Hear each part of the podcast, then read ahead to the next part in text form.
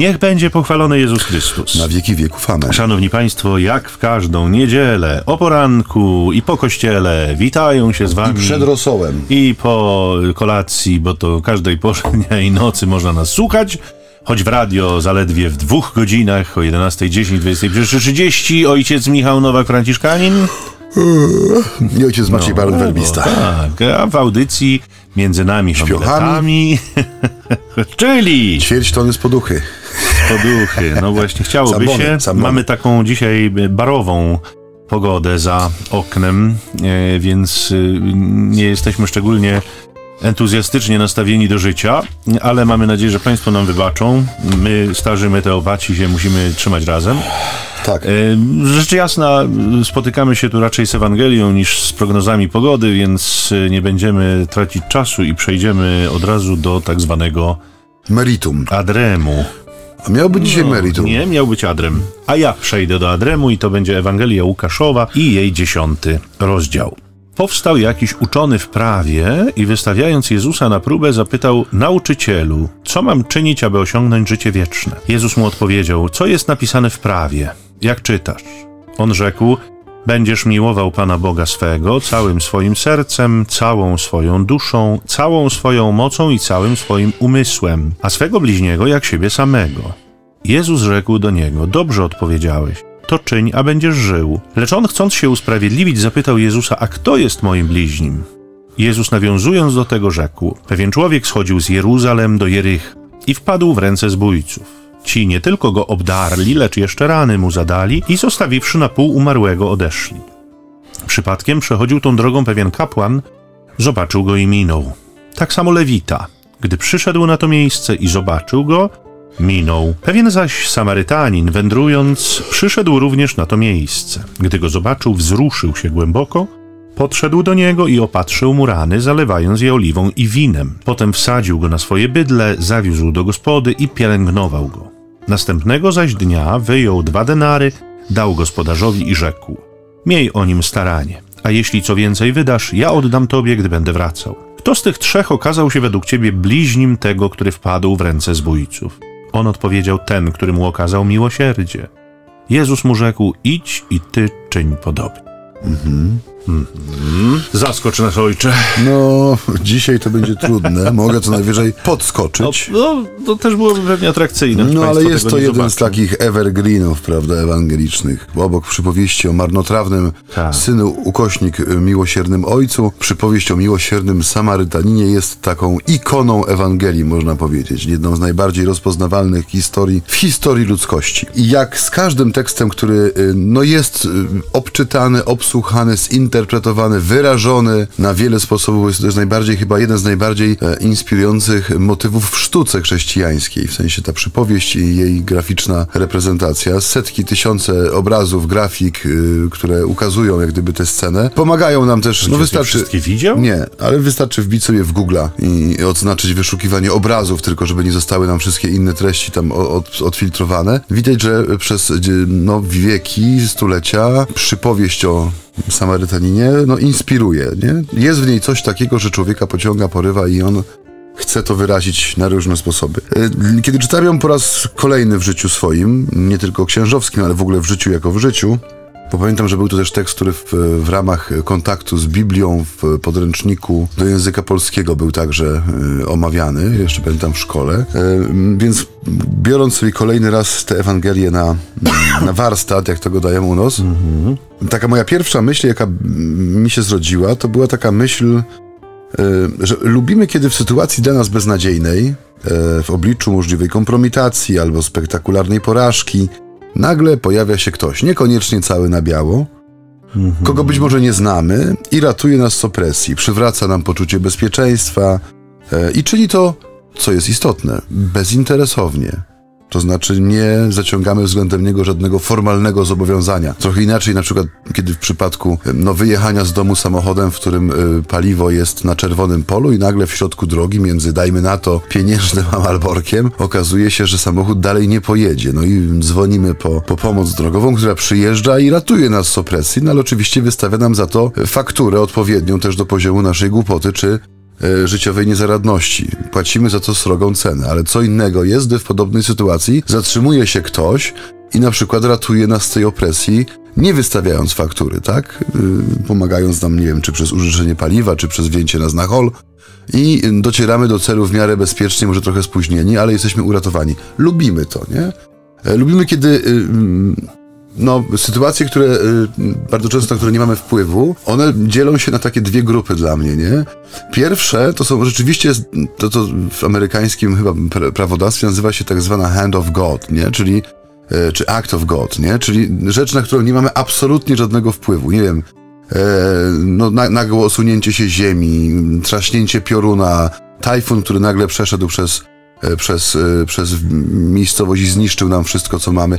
To są rzeczy, na które absolutnie nie mamy wpływu i człowiek rzeczywiście może wtedy zostać w sytuacji beznadziejnej, która nie jest jego winą, nie? Ale są też sytuacje takie właśnie, które wołają o ratunek, które są niczym więcej jak sumą konsekwencji naszych wyborów, nie? My to z ojcem Michałem tutaj bardzo często do tego powracamy i mnie się też to jako taki podskórny motyw tych naszych audycji często pojawia, że Ewangelia jest przypomnieniem, że czyny mają konsekwencje, też w, pewnym wymiarze, że nasze wybory, decyzje, słowa, które wypowiadamy, postawa, którą przyjmujemy, kierunek, jaki w życiu obieramy, to wszystko jest czegoś konsekwencją, ale i samo w sobie ma konsekwencje. I ta druga grupa sytuacji beznadziejnych, powiedzmy, no już musi być rozpatrywana troszeczkę inaczej, nie? Bo tu już człowiek nie jest biedny w takim sensie, że jest nam go żal, no bo coś się stało i rzeczywiście serce nam się kroi, żeby mu, żeby mu pomóc, ale tu czasami pomoc jest wręcz utwierdzaniem go w tej beznadziejności, nie? Ja pamiętam taką, e, no też z racji e, swojej historii życiowej, ale rozpacz pewnej mamy, no, która nie mogła sobie poradzić z alkoholizmem swojego syna, który z kolei patrzał na alkoholizm swojego ojca, nie?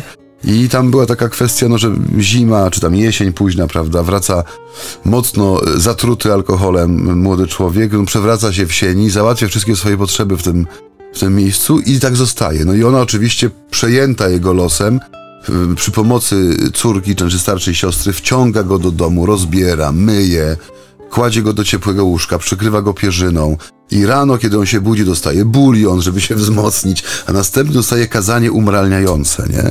Jak nisko upadł. No kiedy on się budzi w ciepłej pościeli, na biurku czy na stoliku nocnym ma parującą michę y, pożywnej zupy, to dla niego no, nie ma to absolutnie żadnego znaczenia, w jakim stanie on był wczoraj, bo jego to już nie obchodzi, tak? Więc w tym konkretnym przypadku pomoc jest jak gdyby utwierdzeniem w, w tym upadku. I kiedy myślę sobie o tym y, opisie biblijnym, on jest o tyle ciekawy, że on nas wyzwala z tego myślenia, nie? Bo to są sytuacje, które będą miały swoich zwolenników i przeciwników. Ktoś powie, no ale wie pani co, no żeby leżał, tak tego, no czego pozbierać, nie? A drugi powie, niech leży. Narobił, niech leży. Niech się obudzi w takim stanie, w jakim skończył dzień poprzedni, nie? I masz dwóch dwie wizje rzeczywistości, które się ścierają. No, jest jakaś prawda jeszcze. I jest jeszcze jakaś prawda. A e, Ewangelia przychodzi, przynosi nam samą prawdę, jak gdyby, nie? I mamy, I mamy ten luksus, że my nie wiemy, dlaczego ten człowiek leży przy tej drodze między Jeruzalem a Jerychem. Nie wiemy, czy na przykład oszukał kogoś na handlu. Bo kiedy bierzemy do ręki komentarze, bardzo często ta droga jest nazywana, ona się pojawia kilkakrotnie na kartach i Starego Przymierza i e, no, w Nowym Testamencie w tej przypowieści chociażby, droga między Jerozolimą a Jerychem i to jest bardzo często określane jako bardzo intensywny taki trakt handlowy, nie? Tamtędy były prowadzone też towary, no i kupcy w tej nazad, że tak powiem, się przemieszczali. Tam, gdzie jest handel, tam też bywają różnego rodzaju pokusy na to, żeby zaniżyć wagę albo zawyżyć cenę. Nie wiemy, czy ten człowiek na przykład y, no, nie nagrabił sobie na którymś z targowisk, nie? I na przykład nie, y, nie oszukiwał. I w końcu zebrała się grupa niewdzięcznych klientów i postanowili wyrównać ten rachunek, prawda? Nie wiemy tego. A więc Ewangelia nas wyzwala z takiego myślenia detektywistycznego, bo my to lubimy, nie? Doszukiwania się źródeł winy, przyczyn upadku. Nie, mamy ba bardzo prostą, pokazaną sytuację, która jest obiektywnie trudna i beznadziejna dla tego człowieka, który leży, nie? Jak gdyby przypomnienie, że y, tym, co ma nas jak gdyby pobudzać do działania, nie jest dociekanie według naszych ludzkich kryteriów, kto zawinił, nie? Że na przykład jest tak, a nie inaczej, albo jaki jest jego udział w tym, że, no, że leży w tej chwili pobity i bez życia, ale mamy się skupić na samym fakcie, którym jest tutaj człowiek, nie? Ojciec tak trochę od środka zaczął, przyznam szczerze. Ja mam taką silną pokusę, żeby zacząć zupełnie od początku. Bardzo cię proszę, to jest Mogę? wolność w audycji. O, jest, tak. dobrze, po prostu to gdzieś przynajmniej jest wolność. Mam takie poruszenie duże w perspektywie tego pytania, które ten uczony w piśmie zadaje, mianowicie pytania o to. Do tego też dojdziemy, tak. No właśnie, dojdziemy może, ale ja już wyjdę od tego, pozwolę sobie. Więc ten uczony, który zadaje pytanie o to, co należy czynić, co mam czynić, żeby osiągnąć życie wieczne. Dlaczego to pytanie mnie porusza? Dlatego, że ja tych pytań dzisiaj nie słyszę. Ja ich nie słyszę w kościele. Wydaje mi się, że, że my trochę w kościele, oczywiście nie wszyscy, bo duże kwantyfikatory, wszyscy, nikt, zawsze, nigdy, one są niebezpieczne, bo jakby no, nie mamy takiej wiedzy, żeby powiedzieć wszyscy, ale myślę, że wielu z nas w kościele straciło zainteresowanie życiem przyszłym. Z prostej przyczyny, że bardzo mocno wciągnęło nas życie doczesne, nie? z jego przyjemnościami, z jego zdobyczami współczesnymi, z tym światem, który nam się skurczył do tej rozmiarów jakby tej globalnej wioski, po którym my się coraz pewniej, coraz odważniej poruszamy, dla wielu z nas y, y, raj jest tutaj. Nie? Dla wielu z nas raj jest na ziemi. I oczywiście nikt z nas nie powie, że w pełni go tutaj doświadcza, no bo przecież wszyscy mamy jeszcze tyle marzeń, tyle pragnień, więc jeszcze, jeszcze pewnie nie jesteśmy w raju, ale y, większość tych naszych marzeń i pragnień jest związana jednak z życiem doczesnym.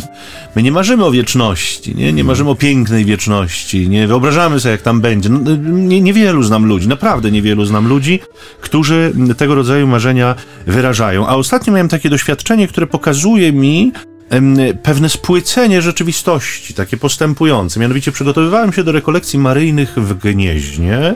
Rekolekcje e, poprzedzały, przygotowywały do uroczystości jubileuszowych 25-lecia koronacji cudownego obrazu Matki Bożej Pocieszenia Pani Gniezna. I w ramach przygotowań do tych rekolekcji wybrałem się do tego Gniezna, to jest nasz klasztor, nasza parafia, i usiadłem sobie do ksiąg z dawnych lat, ksiąg próśb i podziękowań, które wpisywano do Matki Bożej. To y, była arcyciekawa lektura. Y, nawet ubolewam mocno, że potem nowoczesność sprawiła, że już księgi zniknęły, y, a pojawiły się tylko takie karteczki, formularze, na których ludzie zapisywali sobie te prośby czy podziękowania. Niemniej przejrzałem te księgi od 70. lat aż po lata y, tam 2000 y, y, któryś, lekko po 2000 roku.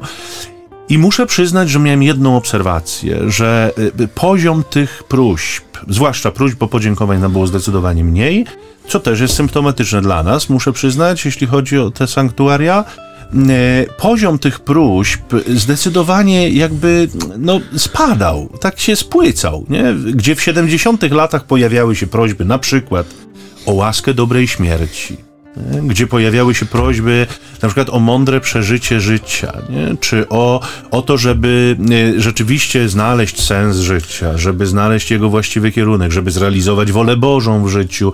To były prośby, w których widać było, że ludzie jakby no, mają to doświadczenie esencji chrześcijaństwa, nie czegoś istotnego. Natomiast e, później te prośby się bardzo, powiedziałbym, no, spłyciły w tym sensie, że oczywiście pewnie dotyczyły ważnych rzeczy, no bo siłą rzeczy zdrowie jest ważne. I to, zresztą te, te prośby o zdrowie w sanktuariach występują zawsze, co nie jest dziwne.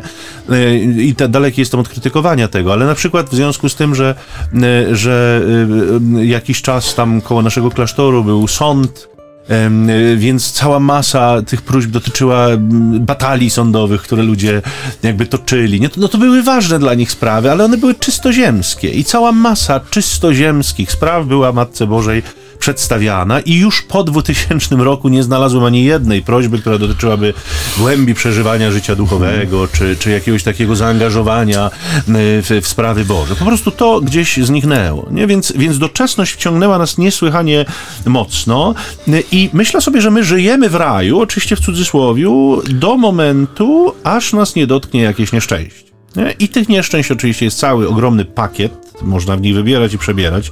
Co prawda najczęściej nie mamy wy wyboru, w sensie zostaną nam przydzielone jakieś takie czy inne, a wówczas y, y często pojawia się myśl o wieczności. Nie zawsze, bo czasem pojawia się tylko potworny lęk, że ten ziemski raj mógłby się skończyć, że gdzieś tam czai się śmierć, która pozbawi nas tych ziemskich przyjemności, e, a przecież o wieczności nie mamy pojęcia. Nie? A, a, a nade wszystko mam takie wrażenie, że chyba nie do końca wierzymy, że ona gdzieś tam na nas czeka, choć do tego też trudno się przyznać, no bo przecież jesteśmy wierzący. I myślę sobie, że to pytanie tego uczonego w piśmie, ono bardzo precyzyjnie i ładnie nam ustawia te dyskusje. Ono nam pokazuje jakby kwintesencję, taką istotę nie? tego Aha. naszego chrześcijańskiego życia, ku czemu ono tak naprawdę ma nas prowadzić. No, punkt, wiesz, widzenia zależy od punktu siedzenia. Bardzo często słyszymy takie pożekadło, mm, czy przysłowie ludowe. Tak. tak.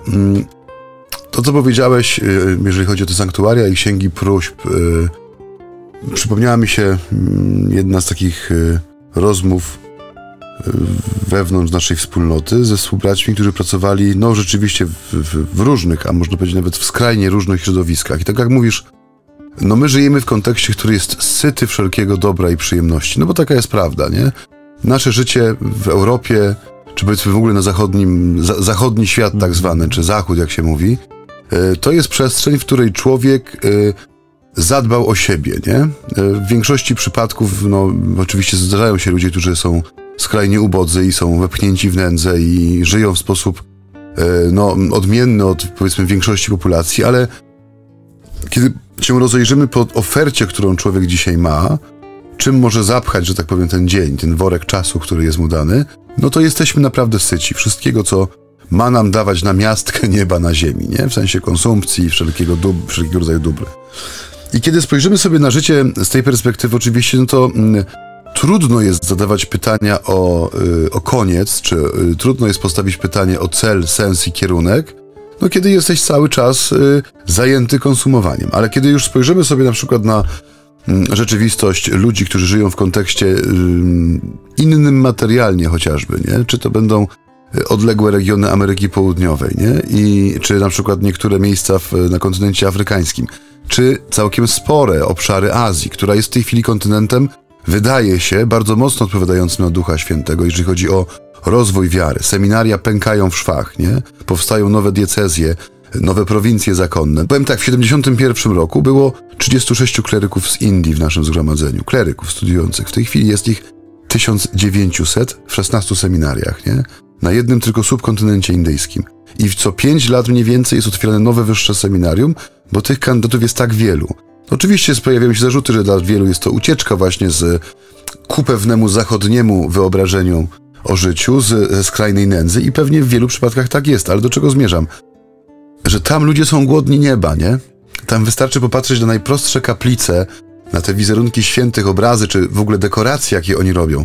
Dla nich Kościół jest przedsionkiem nieba, jest wyjściem z tej rzeczywistości materialnie skrajnie ubogiej, nie? Gdzie no, dziesiątkują ich choroby, które my leczymy przy pomocy leków bez recepty. Dla nich pojawienie się wizji świata odmiennego, nie? Historii o tym, że czeka nas niebo, że dom ojca, gdzie jest mieszkań wiele, niesamowicie, przepraszam za to określenie, ale niesamowicie ich zapładnia, nie?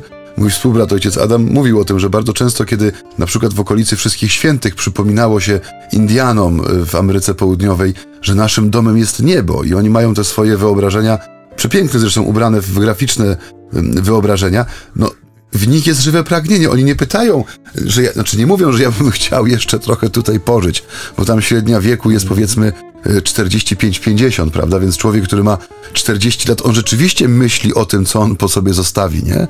On rzeczywiście martwi się, jak sobie poradzi jego rodzina bez niego, bo on wie, że no, jego ojciec nie dożył 50, tak? Jego dziadek zmarł w wieku lat 47, więc dla niego ta długość życia chociażby pokazuje, że to nie jest długi czas tutaj na ziemi, nie? I kiedy wchodzi w to narracja o, o tym, jaki jest cel, ten ostateczny naszego życia jako ludzi wierzących, nie? Oni rzeczywiście tego pragną, nie? Dla nich, oni się pytają, że oni, oni już chcą być z Jezusem, nie? Oni by chcieli oglądać niebo, bo dla nich niebo jest czymś totalnie innym niż to trudne życie, które mają, które nie jest życiem konsumpcji i zastanawiania się, gdzie w tym roku udamy się na wakacje, prawda? Albo co sobie kupimy następne. Tego tam nie ma, nie?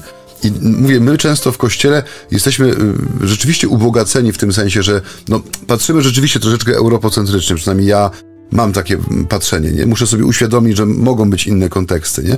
Ale kiedy masz doświadczenie pracy w kilku takich miejscach, no to już twoje odczytywanie też chociażby właśnie, tak jak mówisz, tych e, ksiąg z prośbami świadczy o pewnym duchowym kryzysie, nie? Kiedyś w parafiach były potężne grupy apostolstwa dobrej śmierci, nie? To było często najprężniejsze bractwo. Dzisiaj często no, jest kwitowane jakimś ironicznym uśmieszkiem, nie? Że no a potem przywitają księdza biskupa, nasze grupy parafialne, no nasza młodzież z koła Żywego Różańca ma na myśli starsze panie, no i tam trzech reprezentantów Bractwa Dobrej Śmierci, którzy jeszcze nie zdążyli umrzeć, nie?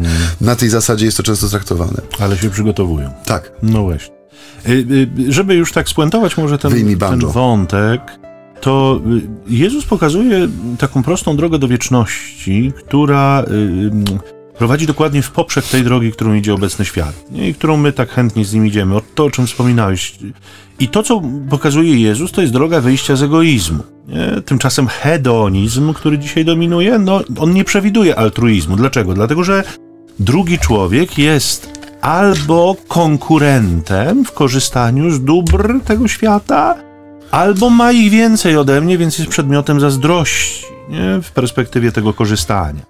Ja y, mogę coś dać ewentualnie, ale wyłącznie swoim. My, y, zauważ, nie mamy większych problemów z, z określeniem naszych bliźnich. Nie? Mianowicie, y, kto jest moim bliźnim? Moja najbliższa rodzina, względnie wypróbowany przyjaciel. To są moi bliźni. Cała reszta zasadniczo dla mnie nie istnieje. Nie? Ale, ale i tu czasem, a nawet często pojawia się kolejny dramat naszego życia, dlatego że to e, e, my jako księża słyszymy o tym często. Podziały majątków bardzo ładnie pokazują, kto jest moim bliźnim, nie? I okazuje się, że moi najbliżsi nagle stają się moimi śmiertelnymi wrogami. I tak naprawdę nic się już nie liczy poza kilkoma szeleszczącymi papierkami, nie? Więc kolejna ślepa uliczka w tym świecie. Więc być może trzeba się srodze zawieść w życiu, być może naprawdę trzeba się rozczarować, dostać po prostu w kość, żeby usłyszeć Jezusa i żeby go w ogóle zapytać o drogę do życia wiecznego.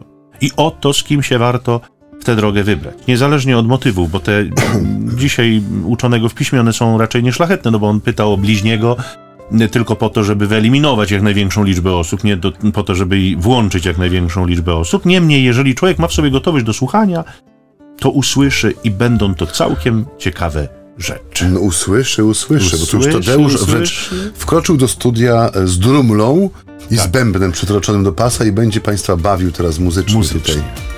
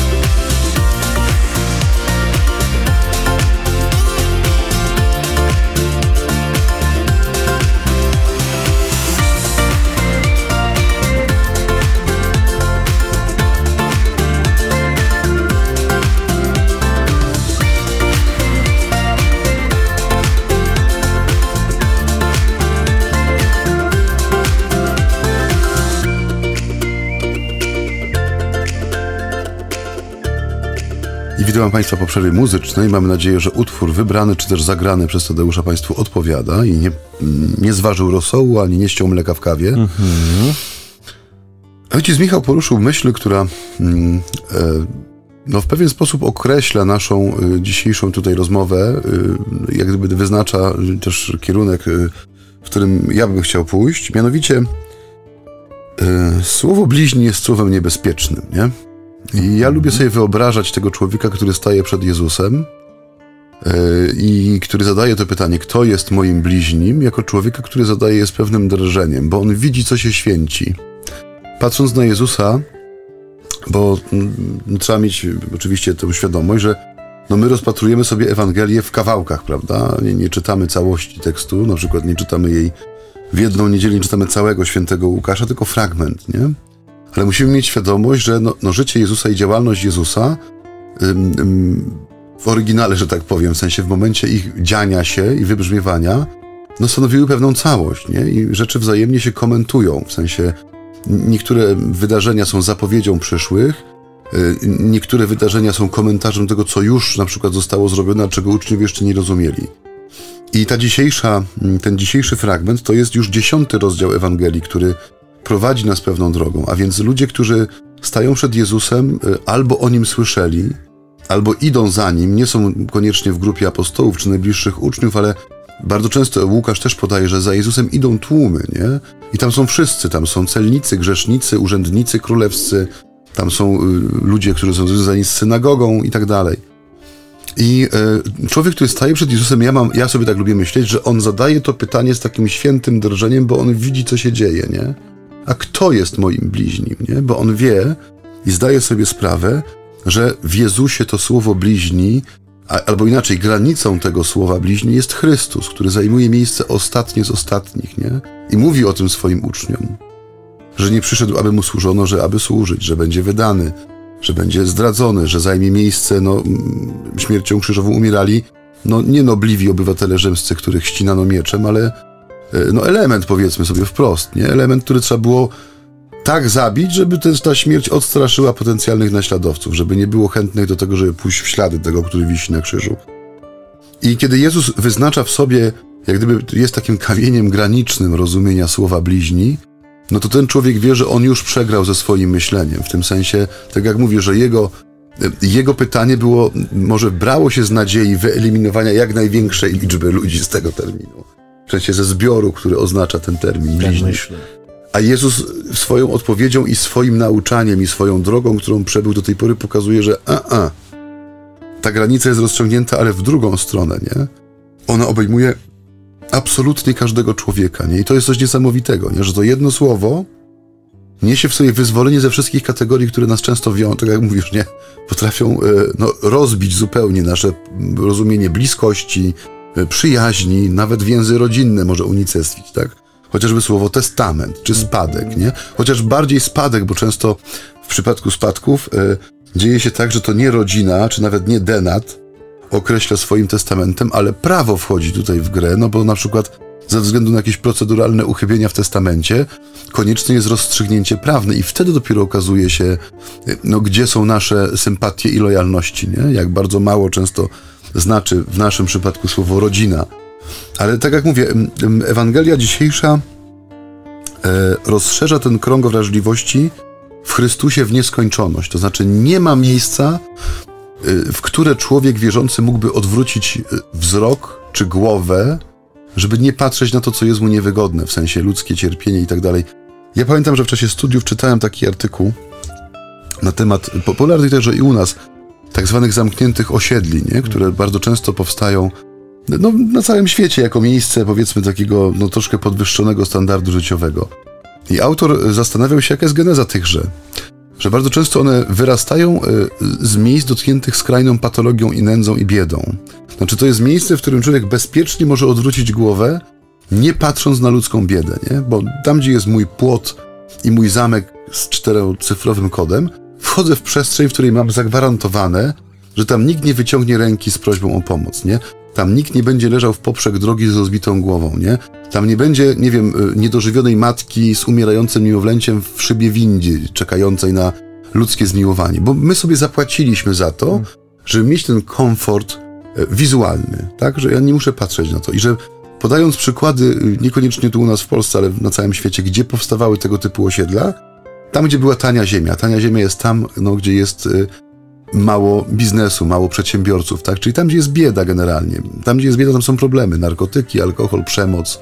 Takie tak zwane no-go zones, nie? Czyli takie miejsca, które rzeczywiście żyją z jakiejś szarej strefy szemranych tak. interesów i przemocy.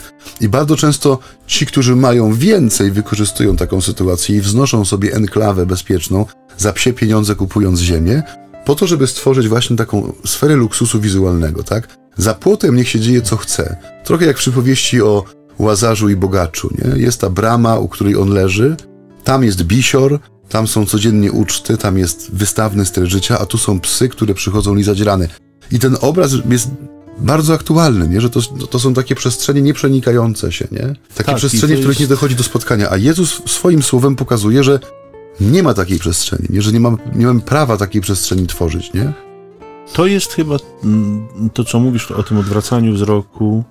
mm, To y, dlatego chyba ta, ten początek tej historii jest taki wstrząsający, bo on bardzo dokładnie pokazuje mechanizmy działania tego świata. Nie interesuje się. To nie jest moja sprawa. Płaczę, to płaczę. Kiedyś przestanie. Nie roby, niech się wezmą do roboty. Gdyby nie chlał, to, by miał na chleb. Nie? To znamy. Wszystko jest przejrzyste, wszystko jest logiczne, wszystko jest zacne, wszystko jest w białych rękawiczkach, w zadowoleniu i przy suto zostawionym stole. Nie? Z przekonaniem, że w końcu mnie też nikt niczego nie dał. Sam musiałem sobie na wszystko ciężko zapracować. Dlaczego więc miałbym się dzielić? Nie? Oczywiście pikanterii sprawie dodaje fakt, że pobitego mijają ci, którzy z zasady powinni się nim byli zainteresować. Ideowcy podobno. No i mam takie wrażenie, jakbym słyszał u słuchaczy tej Ewangelii czasem takie uff, nie? Jak to dobrze, że to nie o nas, nie? prawda? No bo to jest o tych złych księżach. Bo to jest o tych ludziach, którzy są blisko Kościoła. Zwykłych chrześcijan to dzisiejsze słowo nie dotyka. A moje pytanie jest takie, jak kto to jest ten zwykły chrześcijanin, nie? którego to rzekomo nie dotyka, który nie musi, który jest zwolniony, który się spieszy, który ma tyle swoich własnych kłopotów, którego przecież nie stać, bo gdyby tylko, to przecież na pewno. A do tego jeszcze dochodzą stereotypy, nie? Oni, tamci, obcy, przychodzą nam zabrać, przychodzą wykorzystać. Oni zawsze tacy byli. Po nich się można było tylko tego się sp- spo- spodziewać, nie? Bo ja słyszałam, że... To są te nasze wykręty. I zobaczcie, drodzy, że Samarytanin to jest ten obcy. I on robi coś, czego żaden swój nie zrobił. No i on się zatrzymał, on współczuł, ale nie wyłącznie uczuciowo. On współczuł bardzo konkretnie, on współczuł faktycznie. Jaki dar złożył? Nie? Dlaczego ten dar jest taki cenny? Ano, złożył dar ze swojego czasu. Nie? On też gdzieś się zmierzał, nie? On też gdzieś szedł, to też go opóźniło. On też miał jakieś swoje własne sprawy, też nie było mu łatwo. Zauważcie, ta ofiara z dwóch denarów to była no żadna ofiara, to było nic w porównaniu z ofiarą ze swoich poglądów, swojej niechęci, swojej obojętności, swojego pośpiechu. On musiał sobie odjąć, żeby ten drugi mógł skorzystać. To jest konkretna ofiara. Nie? I na takich gestach niczym na zawiasach wisi miłość. I, i, i to jest szczególna forma tej miłości. Nie? To jest to jest No, miłosierdzie. w- w jednym z takich komentarzy czytałem, że w wielu przedstawieniach artystycznych ten pobity człowiek leży nagi przy drodze, nie? I że Samarytanin, który się na nim e, pochyla, on nie ma jakoś specjalnie e, pogodnej twarzy, nie? Dlaczego? No kiedy widzi nagiego mężczyznę, doskonale wie, czy on jest Żydem, czy nie. E, więc ta niechęć między Żydami a Samarytanami, która jest tutaj e, też w jakiś sposób, no, e, może nie nazwana, ale ona się tli gdzieś w powietrzu, nie? Że ona też jest pokazana jako coś, co musi być przezwyciężone, w sensie, że mogło zaistnieć miłosierdzie, takie autentyczne, tak jak mówisz, nie tylko w deklaracji, nie w sferze idei, nie? Bo ideowców mamy dużo, ideologów mamy jeszcze więcej, nie? Ale ludzi, którzy są w stanie rzucić wszystko, co jest ich interesem i zająć się drugim człowiekiem w tym konkretnym przypadku, no to tak jak widzimy jest mniej niż 30%, nie? Przynajmniej według tych statystyk ewangelicznych. No więc e, dla mnie to też jest taki no, ciekawy, em, ciekawy przyczynek do dyskusji nad drugą stroną, nie? Właśnie na ile nasze mm, mówienie o miłosierdziu, bo zauważ, że słowo miłosierdzie weszło dosyć mocno, że tak powiem, w, w taki język kościelny, nie? My go lubimy używać, nie? W, w, w, ostatnio nabyłem dwa tomy takich wstępów i modlitw e, powszechnych na każdy dzień tygodnia. Zacne wydawnictwo z tradycjami, nawet są podani o dziwo autorzy poszczególnych sekcji, więc wiadomo do kogo ewentualnie się zwrócić z, jakąś uwagą, bo tam proszą też o uwagi krytyczne w wydaniu i tak dalej. W co drugiej modlitwie wiernych ze trzy wezwania rozpoczynają się i kończą się mówieniem o miłosierdziu, nie? Mówi, I tak sobie myślałem, że my rzeczywiście mówimy dużo o miłosierdziu, nie? I bardzo często też potrafimy, zwłaszcza jak są jakieś duże akcje, chociażby teraz trwająca ca- cały czas akcja naszych caritas decyzjalnych, parafialnych na rzecz uchodźców z Ukrainy, potrafimy przekuć to miłosierdzie bardzo fajnie w konkretną działalność, w tym sensie, że tu mówimy o tym, a za chwilę na przykład 300 paczek z dekanatu wyjeżdża z pomocą. No i dla kogoś, kto jest zaangażowany w głoszenie czy mówienie, no wystarczy postawić znak równości. Zobaczcie, mówi, nie? Tutaj modliliśmy się o, o serca gotowe na, na ofiarę, na wyrzeczenia, a tutaj wyjeżdża nam 300 paczek gotowych już do, do wysłania tam, gdzie się toczy wojna, czy tam, gdzie są potrzeby. I to jest piękne, ale wydaje mi się, że to jedno, samo mówienie czy używanie słowa miłosierdzie nie rozwiązuje nam tematu tego, w jaki sposób my je przeżywamy osobiście, nie? W sensie mówienie o tym to jest jedno, a czynienie miłosierdzia to jest drugie, nie? Że ono musi być związane z ofiarą. I, i takie zdjęcie mnie też prześladuje w sensie takim pozytywnym. E, zdjęcie stóp matki Teresy z Kalkuty, bardzo zdeformowanych stóp, nie? I komentarz jednej z sióstr mówi, że kiedy przychodziły do jednego z sierocińców w Indiach dary z Europy, e, w postaci używanych e, butów, koszulek, t-shirtów, shortów, nie? Matka Teresa zawsze szła wybierać te, które były najbardziej ostatnie i te zakładała na nogi, bo mówi, nie kupowała nowych, tylko zawsze brała te, których już nikt nie chciał, nie? I w tych często za ciasnych, startych albo źle zawiązanych, bo już były porwane rzemyki, sandałach chodziła. I te stopy rzeczywiście dla mnie były taką ikoną słowa ofiara, które jest włączona w miłosierdzie, nie? Bo jeśli, tak jak mówię, no miłosierdzie będzie tylko i wyłącznie z jednej strony pięknym słowem, a z drugiej strony pozbyciem się tego, co nam zbywa, no to nie ma w tym ofiary, nie? Nie ma tego, co jak gdyby tutaj w tekście wybrzmia bardzo mocno. Tak jak Michał powiedział, że ten człowiek, on nie miał dyżurnego punktu pomocy doraźnej, medycznej przy drodze z Jerozolimy do Jericha. On też się zatrzymał, idąc w swoich sprawach, nie? I on to wszystko porzuca. Co więcej, widząc nagiego Żyda, że znakiem obrzezania, nie decyduje się odwrócić głowy, nie? Chociaż widząc nagiego Żyda, Żydzi mijający go minęli go bez słowa, yy, bez słowa i bez gestu, nie? Więc tu się naprawdę dużo dzieje w tym tekście, oprócz tego, co nam tekst jak gdyby bezpośrednio podaje. I to też nam uświadamia, że tajemnica miłosierdzia częściowo jest niewypowiedziana, w tym sensie, że to się dzieje w sercu człowieka, tego nie widzisz, tego też nie oddasz słowami, zwłaszcza takimi prostymi jak nasze. tak dygresyjnie i adwocem y, przywołałeś Matkę Teresę z Kalkuty, któryś raz już się nawet pojawia w naszych w naszych tutaj rozważaniach. I muszę przyznać, że ostatnio sobie pomyślałem, kiedy rozważaliśmy tę Ewangelię, w której Jezus posyłał 72, mówiąc im, że posyła ich jak owce między wilki, to tak sobie pomyślałem, jaka jest y, zawziętość wytrwałość tych wilków, że nawet jeszcze po śmierci tej owcy kąsają i szargają, co po niej mogłoby zostać, nie? Nawiązuje do oczywiście pojawiających się co i róż mm, artykułów, które szkalują Matkę Teresę z Kalkuty, które y, próbują z, z wielkim zapałem dowieść, że że była właściwie złodziejką, że była y, kimś, kto nie miał wrażliwości na człowieka. Tak, bo... jest taka książka i on, autor nawet gościł w Polsce, Martin Kaparos, napisał książkę Głód, gdzie potężny rozdział po, poświęcił właściwie rozbijaniu mitu świętej z mhm. Kalkuty, pokazując, że to był właściwie sadysta w habicie, tak, nie? Tak, tak, tak. Że ona jak gdyby znajdowała lubość w upadlaniu tych tak. najbiedniejszych, w, do, w dobijaniu ich, w tym, co mhm. nazywała domami miłosierdzia. No, czyta, czy, bo czytałem ten fragment tej książki w, w formie cyfrowej, mnie to przeraziło, nie? Bo język jest świetny, w sensie mhm. warsztat tego pana jest niesamowity i dla wielu ludzi to jest wykładnie. Co, I na nic się zdają interwencje ludzi, którzy pracowali z Matką Teresą, księży, zakonników, wolontariuszy, którzy potwierdzają jak gdyby no może nie tyle oficjalną wersję, tylko że zupełnie odmienne stanowisko. Nie ma. Zgrabnie wydana książka, dobrze wypromowana i dla wielu ludzi staje się tak jak kod Leonardo da Vinci, tak, źródłem wiedzy, tak, nie? Tak, źródłem tak. wiedzy, nie? To jest fascynujące, że, że y, y, taka postawienie sprawy zupełnie do góry nogami, nie? Odwrócenie rzeczywistości, lustrzane odbicie potrafi tak ludzi hipnotyzować. To, to jest diabelskie, to jest demoniczne. No małpa Boga, nie? nie? Małpa jest... Boga, które która naśladuje tylko to, co Stwórca może uczynić.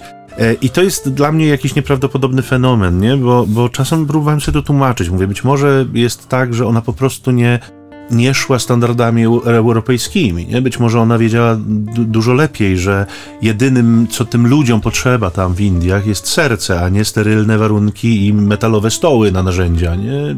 z hartowanej stali. Więc tak naprawdę y, y, próbowałem na, na wszelkie sposoby sobie wyjaśnić, z czego się ta niechęć, czy wręcz nienawiść czasem taka żywa bierze i te próby takiego dewaluowania y, jej wysiłków i jej świętości. I tak jak powiadam, trudno mi sobie odpowiedzieć na to pytanie inaczej, jak tylko w perspektywie tych wilków, które no, które są emisariuszami szatana, to nie ma dwóch zdań. My jesteśmy na wojnie, drodzy Państwo, to, to, to nie trzeba być spiskowym, twórcą spiskowych teorii dziejów, nie? Trzeba się tylko rozejrzeć odrobinę i otworzyć mocno oczy, że są, są zwolennicy jakby Boga i są jego przeciwnicy. I ci przeciwnicy, czy działają wprost i świadomie, czy działają w sposób ukryty albo nieświadomy, no robią swoją robotę. I to y, jakby uderza w nas. To w nas uderza. Natomiast wracając do perspektywy miłosierdzia, tak sobie postawiłem pytanie, dlaczego zwykle tę perspektywę, o której mówi nam ta Ewangelia dzisiejsza, rozumie się dopiero wtedy, kiedy dostanie się mocno w kość od życia, nie? albo kiedy się straci wszystko, w czym się pokładało ziemskie nadzieje. Nie? Dlaczego zwykle wtedy nie? jakoś tak dociera do człowieka ta, ta świadomość? Otóż wtedy, drodzy Państwo, przekonujemy się, że jeden jest niezawodny Samarytanin w naszym życiu. Dlaczego Samarytanin? Dlatego, że on jest całkowicie odmienny od nas.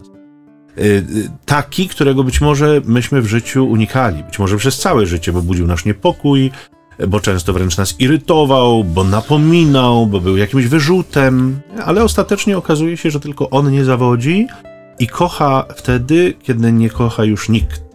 Kiedy i to, to jest taki fenomen, że, że bardzo często, kiedy człowiek spotyka takiego Samarytanina i zna też swoją sytuację, że już nie mam mnie za co kochać, bo ja jestem nikim, zerem, zniszczony, zmiażdżony, nie mam żadnych dóbr materialnych, już nie, nie ma nikogo, kto by mógł ze mnie jeszcze coś wycisnąć. Jest tylko Jezus, który, który okazuje mi nieustannie swoją miłość. To kiedy człowiek jakby spotka takiego Samarytanina i kiedy uzna swoją sytuację, to często mówi sobie, hola, hola, nie? Jest wielu takich jak ja w tym życiu, nie? I być może, być może ja dla nich mogę coś zrobić. I wtedy często wybiera się nowy kierunek, to jest jakieś kolejne nawrócenie w życiu, nie? Kierunek wieczności. I y, to jest taki kierunek, w którym ja już nie jestem w centrum, ale ten drugi, nie? Ten altruizm, chrześcijanin jest altruistą, ten drugi jest w centrum, a punktem odniesienia ostatecznym jest, jest Pan. I i wiecie co, tak sobie myślę, po co czekać, nie? Po co czekać na te dramatyczne chwile w życiu? Czy nie warto zacząć już dziś? Nie? Tak konkretnie, tak bardzo jasno i bardzo wyraziście, nie? Z, zmieniając trochę perspektywę widzenia rzeczywistości. Jakby mm, trochę mm, nie tyle kwestionując, co, co być może e, jakby e, patrząc w nowy sposób na, na te rzeczywistości, które dzisiaj mnie tak absorbują, które są dla mnie tak bardzo ważne, e, które wydają się nienaruszalnymi fundamentami mojego życia. To, mm. to jest często coś, o czym ja tutaj też czasem wspominam. W pierwszej ewangelizacji zwykło się zaczynać od katechezy o sensie życia. Jeżeli moim sensem życia będzie cokolwiek, co jest utracalne, co jest przemijające, co prowadzi, czy może prowadzić do jakiejś zdrady, do porzucenia, do odejścia, do śmierci. To, to może być drugi człowiek, to może być dobro materialne, to może być przeżycie, doświadczenie, emocja. Jeżeli to będzie celem i sensem mojego życia, to się srodzę, zawiodę. Muszę się zawieść, bo te rzeczywistości są rzeczywiście kruche i, i przemijające. Natomiast jeżeli sensem mojego życia uczynię tego, który nie zawodzi, bo jest wieczny, no to wtedy ja jestem bezpieczny, a moje życie też nabiera zupełnie innego wymiaru i innego dynamizmu. Pięknie to ojciec podsumował, bo tu już znaki na niebie, na ziemi wskazują tak, nie, że już jest czas na podsumowanie, tak. Dla mnie jeszcze takim słowem podsumowania niech będzie to, że ta Ewangelia przypomina nam, że możemy się znaleźć po każdej stron, ze stron tej drogi. To znaczy, mogę być tym, który dostanie łomot od życia i, i rzeczywiście wtedy no, może dokonać się moje nawrócenie, w sensie zwrot ku temu, co nie przemija i, i daje poczucie bezpieczeństwa, ale też mogę być tym, który no jest dla kogoś inny, nie? W sensie zatrzymuje się, porzuca wszystko i e, daje siebie jako, nie wiem, pomoc, wsparcie, oparcie, czyli mogę być też tym miłosiernym, który się zatrzymuje, porzuca wszystko inne, czyli jak gdyby ustawia pewną hierarchię wartości, pokazuje, gdzie leży szansa na nawrócenie, w sensie, bo miłosierdzie doznawane i ofiarowane wydaje mi się, że ma moc nawracania człowieka, w sensie takiego zmieniania e, czy ustawiania pewnych priorytetów, nie? Jeśli rzeczywiście trafi mi się okazja, że będę mógł okazać komuś miłosierdzie, być dla kogoś takim miłosiernym Samarytaninem, wierzę głęboko, że taka sytuacja przemienia człowieka, nie? Pokazuje mu, że e, no jest świat oparty o inną hierarchię wartości i on daje też innego rodzaju satysfakcję, w sensie nie gratyfikację wypływającą z zaspokojenia swojego, nie wiem, rządzy brzucha, nie? Czy oka, czy czegokolwiek innego, ale tą satysfakcję, która wypływa y, z faktu, że dotyka się dobra, które jest większe niż my sami, nie? To jest coś, co potrafi człowieka przemienić, albo przynajmniej poustawiać mu pewne rzeczy. Powiedział ten, który parę minut temu motywował mnie do tego, żebym skończył już, bo trzeba kończyć. Ja już skończyłem. Bardzo brawo. Drodzy Państwo, Dobranoc się z Państwem. jeszcze nie. Jeszcze y, te nasze medialne y, miejsca i, i możliwości. Mhm, tak, Y, zapraszamy, jeśli jeszcze istnieje portal, portal Facebook, bo nie wiemy. Nie wiemy, bo to Zapraszamy na grupę między nami, homiletami, czyli ćwierć tony zambony. Tam są zapowiedzi poszczególnych odcinków. Y, Czasami podlinkowana jest ta strona naszego archiwum, bo ona jest bardzo zacnie zrobiona. Naprawdę wszystkie, już w tej chwili chyba 100, prawie 70 godzin naszych nagrań można tam znaleźć. Niekoniecznie trzeba wszystkich od razu wysłuchać, ale są tam umieszczone. Także zachęcam do Ale oglądania. można, można wszystkie naraz i można pobić w ten sposób rekord Guinnessa. Tak, i nie usnąć. Natomiast y, ja y, przedstawiam zawsze ten numer telefonu, na który można SMS-owo coś wysłać, uwagi krytyczne także, czy, czy jakieś wyrazy radosnego trwania z nami. My się cieszymy zawsze, jak dostajemy takie sygnały, że Państwo nas słuchacie. Y, To jest numer 785 777 100. 785 777 100. Z zasady, mm, tak proszę, żeby nie dzwonić na ten numer, ale, ale SMS-y jak najbardziej są mile, mile widziane. E, Natomiast dzisiaj kończymy, odmeldowujemy się, e, e, postaramy się nie zasnąć tu e, w studio, bo jeszcze nas chwila pracy czeka. Tak Wierzymy, jest. że O. usłyszymy się, usłyszymy się z Państwem za tydzień.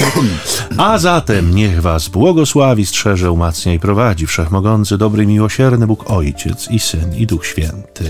Amen. Pokój i dobro. Szczęść Boże.